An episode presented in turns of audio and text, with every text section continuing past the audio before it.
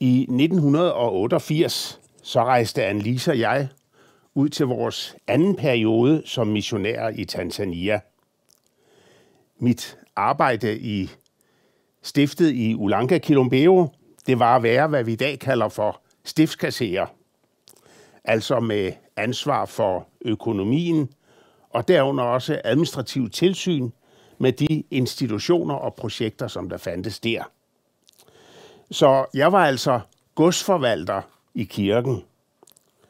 Og ved vores genudsendelsesfest, så skulle en af LM's prædikanter tale, og det blev højskolelærer Karl Ries. Et par dage før, så ringede han mig op. Nu måtte jeg altså ikke tage det personligt, men han havde fået det sådan, at han skulle prædike om den uærlige godsforvalter fra Lukas evangeliet kapitel 16. Hvorfor følte Karl Ries, at han måtte forklare sig over for mig?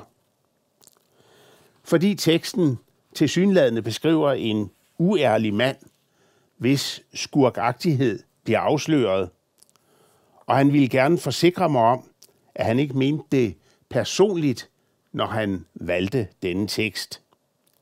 Og denne lignelse, det er en af de mest usædvanlige, Jesus har fortalt.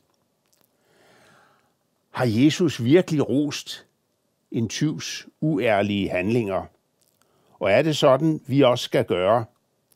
Eller handler det om, at vi skal være lige så snedige og ressourcestærke i Guds riges arbejde, som den uærlige godsforvalter? Og lignelsen den begynder egentlig ganske usædvanligt. Jeg forestiller mig, at det drejer sig om en seddel, der bliver skubbet ind under en dør, som anonym fortæller om godsforvalterens øsselhed. Og næste morgen så finder den rige mand sedlen.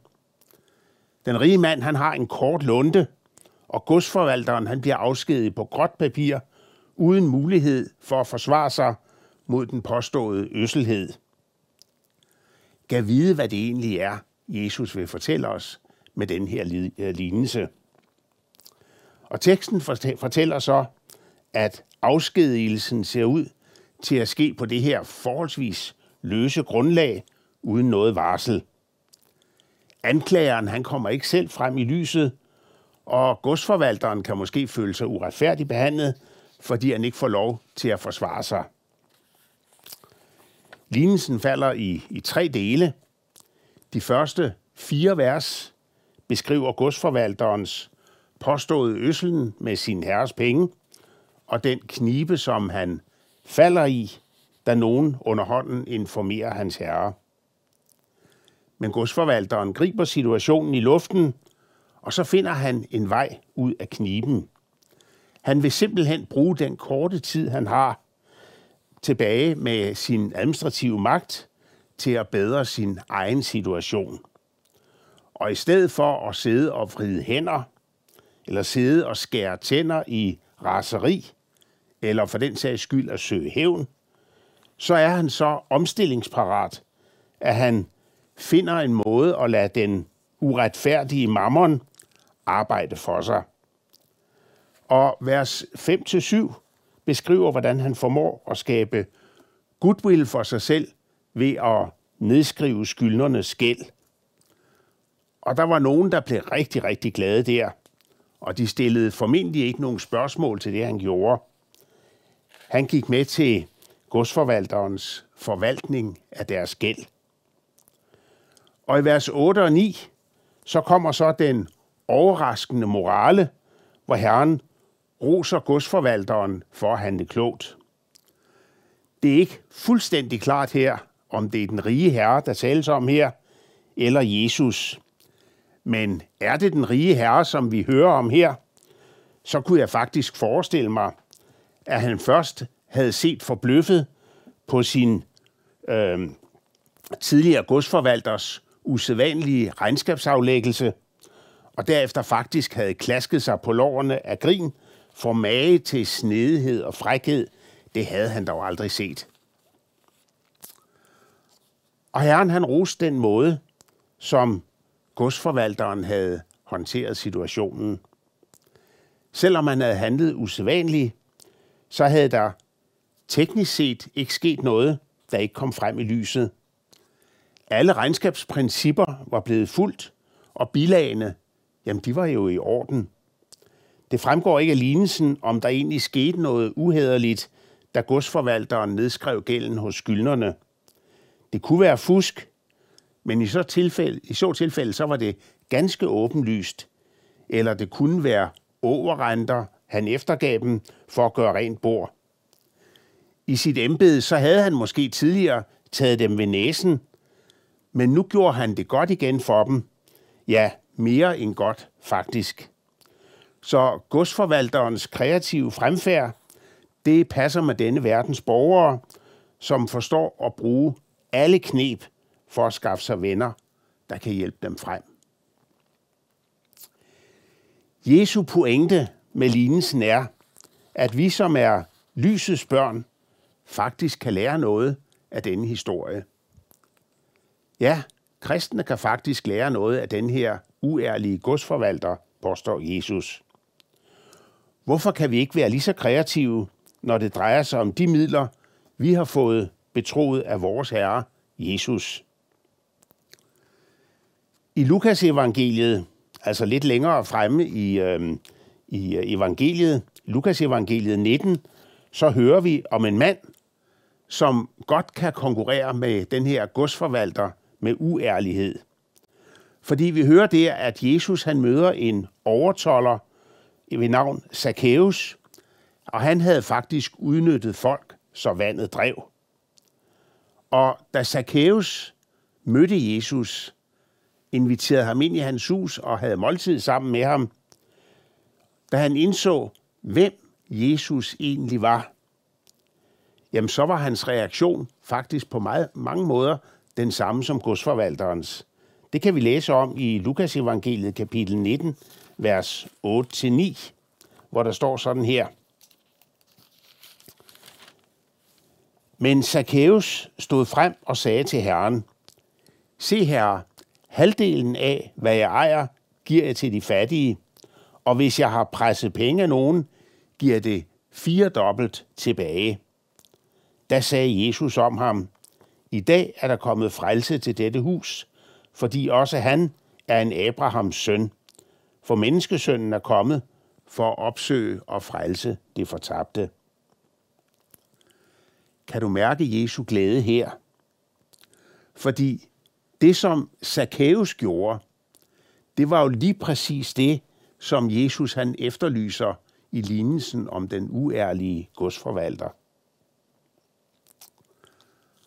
Og så kommer spørgsmålet til os selv. Hvordan bruger vi vores penge? Purer vi dem sammen til vores egen fornøjelse og brug, som Zacchaeus havde gjort det, inden han mødte Jesus? Eller bruger vi dem til at skaffe os venner og gøre gammel uret god, som Zacchaeus så gavmild gjorde, da han mødte Jesus? Lige forud for denne lignelse, så hører vi lignelsen om den fortabte søn. I den fortabte søn, der kunne faren jo have optrængt, optrådt strengt og hårdt, da sønnen kom hjem og sagt til ham, du får ikke en skilling mere. Du har fået alt, hvad der tilkommer dig. Det var han jo faktisk i sin fulde ret til. Men i stedet læser vi i beretningen, så ved han ikke alt det gode, han kan overøse sønnen med. Han brugte sin rigdom til at vise sønnen, at hos ham, der fik han altså ufortjent noget.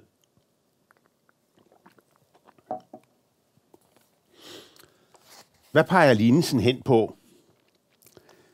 Lignelsen om den fortabte søn og historien om Zacchaeus, det peger hen på det, som Jesus også vil fortælle os med den her lignelse.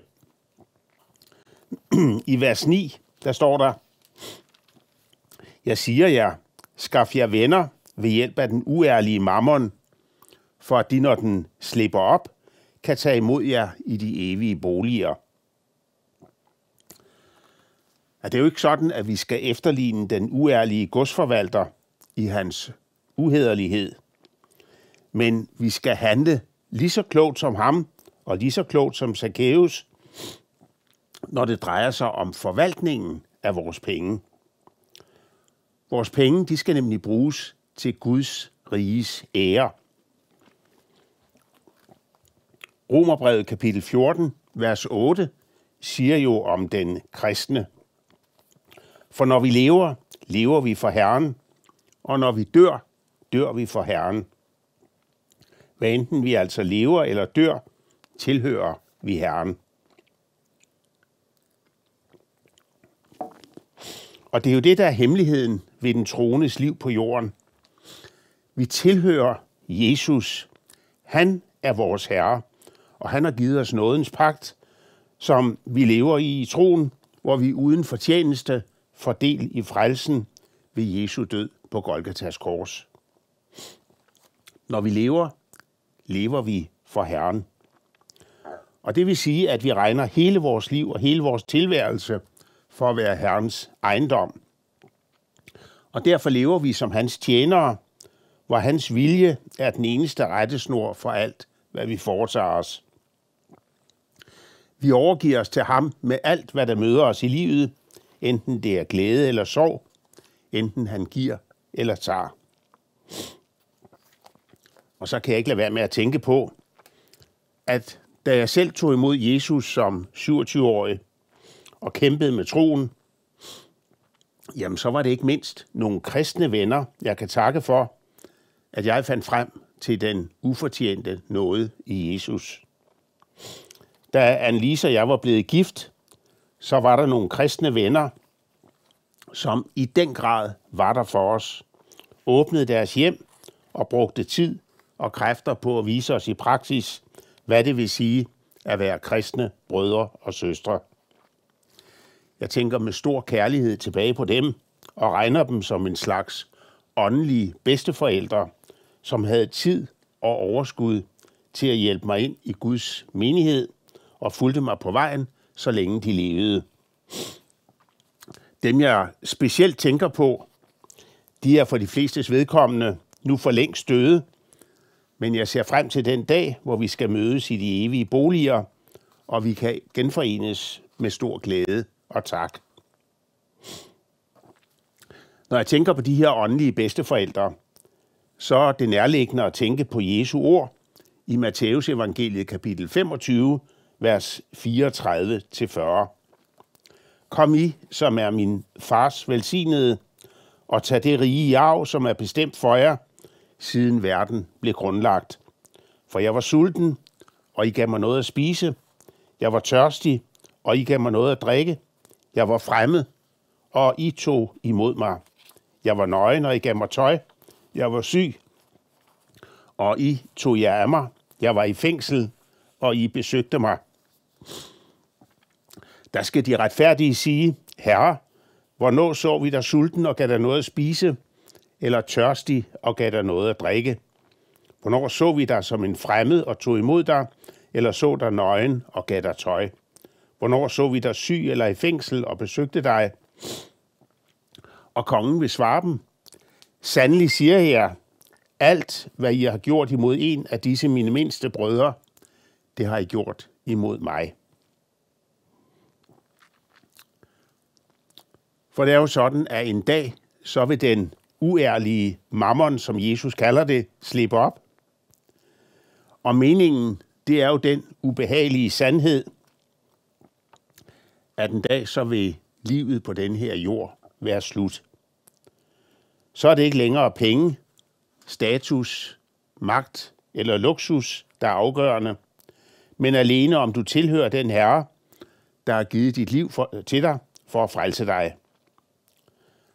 Og her skal vi minde hinanden om, at for at blive frelst, så skal man blot tage imod nåden i tro. Nåden er den eneste vej til at blive en del af Guds rige. Vi kan ikke fortjene det. Vi kan ikke arbejde os frem til det ved gode gerninger. De tomme hænder, de er alt, hvad vi kan komme med over for Gud. Og på trods af det giver Jesus os sin nåde på grund af Jesu blod på Golgatas kors. Din frelse handler altså ikke om, hvordan du har brugt dine penge, og hvor meget du har givet til velgørende formål, eller for den sags skyld til missionens sag, men alene om du har taget imod det, som Jesus han vil give dig. Men derfremme, på den anden side af døden, i Jesu varetægt, der står der nogle mennesker, som gerne vil tage imod dig. Det er de venner, som Jesus taler om i vers 9. Jeg siger jer, skaf jer venner ved hjælp af den uærlige mammon, for de, når de slipper op, kan tage imod jer i de evige boliger. De mennesker, der står der, de er frelste syndere, ligesom dig selv. Og ingen af jer har mere fortjeneste end den anden. Men det har ifølge Jesu ord været din kloge og inspirerede brug af de penge, som Gud har givet dig at forvalte. Det arbejde, som Gud har lagt hen til dig i sin vingård, den tid og de kræfter, du har brugt, og den kærlighed, du har vist, som har været med til at give disse mennesker en hjælp til at finde Gud og få frelsen i eje hos ham. Du har lyttet til ordet. Når vi lever, lever vi for Herren. Jesus siger i Johannes evangeliet kapitel 15, vers 4-5, Bliv i mig, og jeg bliver i jer. Ligesom en gren ikke kan bære frugt af sig selv, men kun når den bliver på vintræet, sådan kan I det heller ikke, hvis I ikke bliver i mig. Jeg er vintræet, I er grenene. Den, der bliver i mig, og jeg i ham, han bærer mig en frugt. Forskilt for mig kan de slet intet gøre. Når vi i taknemmelighed over vores frelse stiller os til rådighed for vores Herre og frimodigt bruger de gaver, som vi har fået af ham, så bærer vi meget frugt ifølge Jesu ord, hvis vi er plantet i evangeliet. I vores tjeneste som kristne og som menighed, der har Jesus givet os missionsbefalingen. Ikke en ubestemt og diffus opgave, men udrustet med alt det, som Herren har givet os, og med en klar opgave for øjnene. Og vi kender det mål, som Herren har givet os til menneskers frelse. Har du det mål klart for øje i din tjeneste og din gerning i Guds rige? Vi skal bruge, hvad vi har fået, og så skal vi lade Gud give væksten til menneskers frelse. For nogen sidder tanken om fortjeneste under loven stadig som en pil i kødet. Vi vil så gerne forbedre på evangeliet. Gør det til noget mere spiseligt for mennesker, eller mere i pagt med tiden. Men hør det igen, selvom du har hørt det de tusind gange. Der er intet andet evangelium end det om ham, der på Golgata bar dine sønder. Magtesløs og som en forbryder. Og der er ingen anden frelse end den, at Jesus helt og fuldt har båret dine sønder. Du skal ikke bedømme din frelse ud fra det, du kan se og føle på denne jord. Du skal feste din tillid til den usynlige Gud og det ord, han har givet dig, for at holde fast ved det i tro. For der er ikke andet, der frelser. Det er det, du selv skal leve på, og det er, hvad du skal bringe videre til din nabo. Amen. Lad os bede sammen. Herre, vi takker dig for det ord, som du har givet os, og vi beder om, at vi må forvalte det rigtigt, som du har betroet os som dine tjenere. Herre, hjælp du os til at tage ved lære af de eksempler, som Jesus giver os, og den lignelse, som vi har hørt. Hjælp du os til at bruge penge og midler, tid og kræfter på den måde, som Jesus lærer os at gøre det. Herre, det beder vi dig om i dit eget navn. Amen. Og så vil vi stille os ind under Herrens velsignelse. Herren velsigne dig og bevare dig. Herren lade sit ansigt lyse over dig og være dig nådig. Herren løfte sit ansigt mod dig og give dig fred. I Jesu navn. Amen.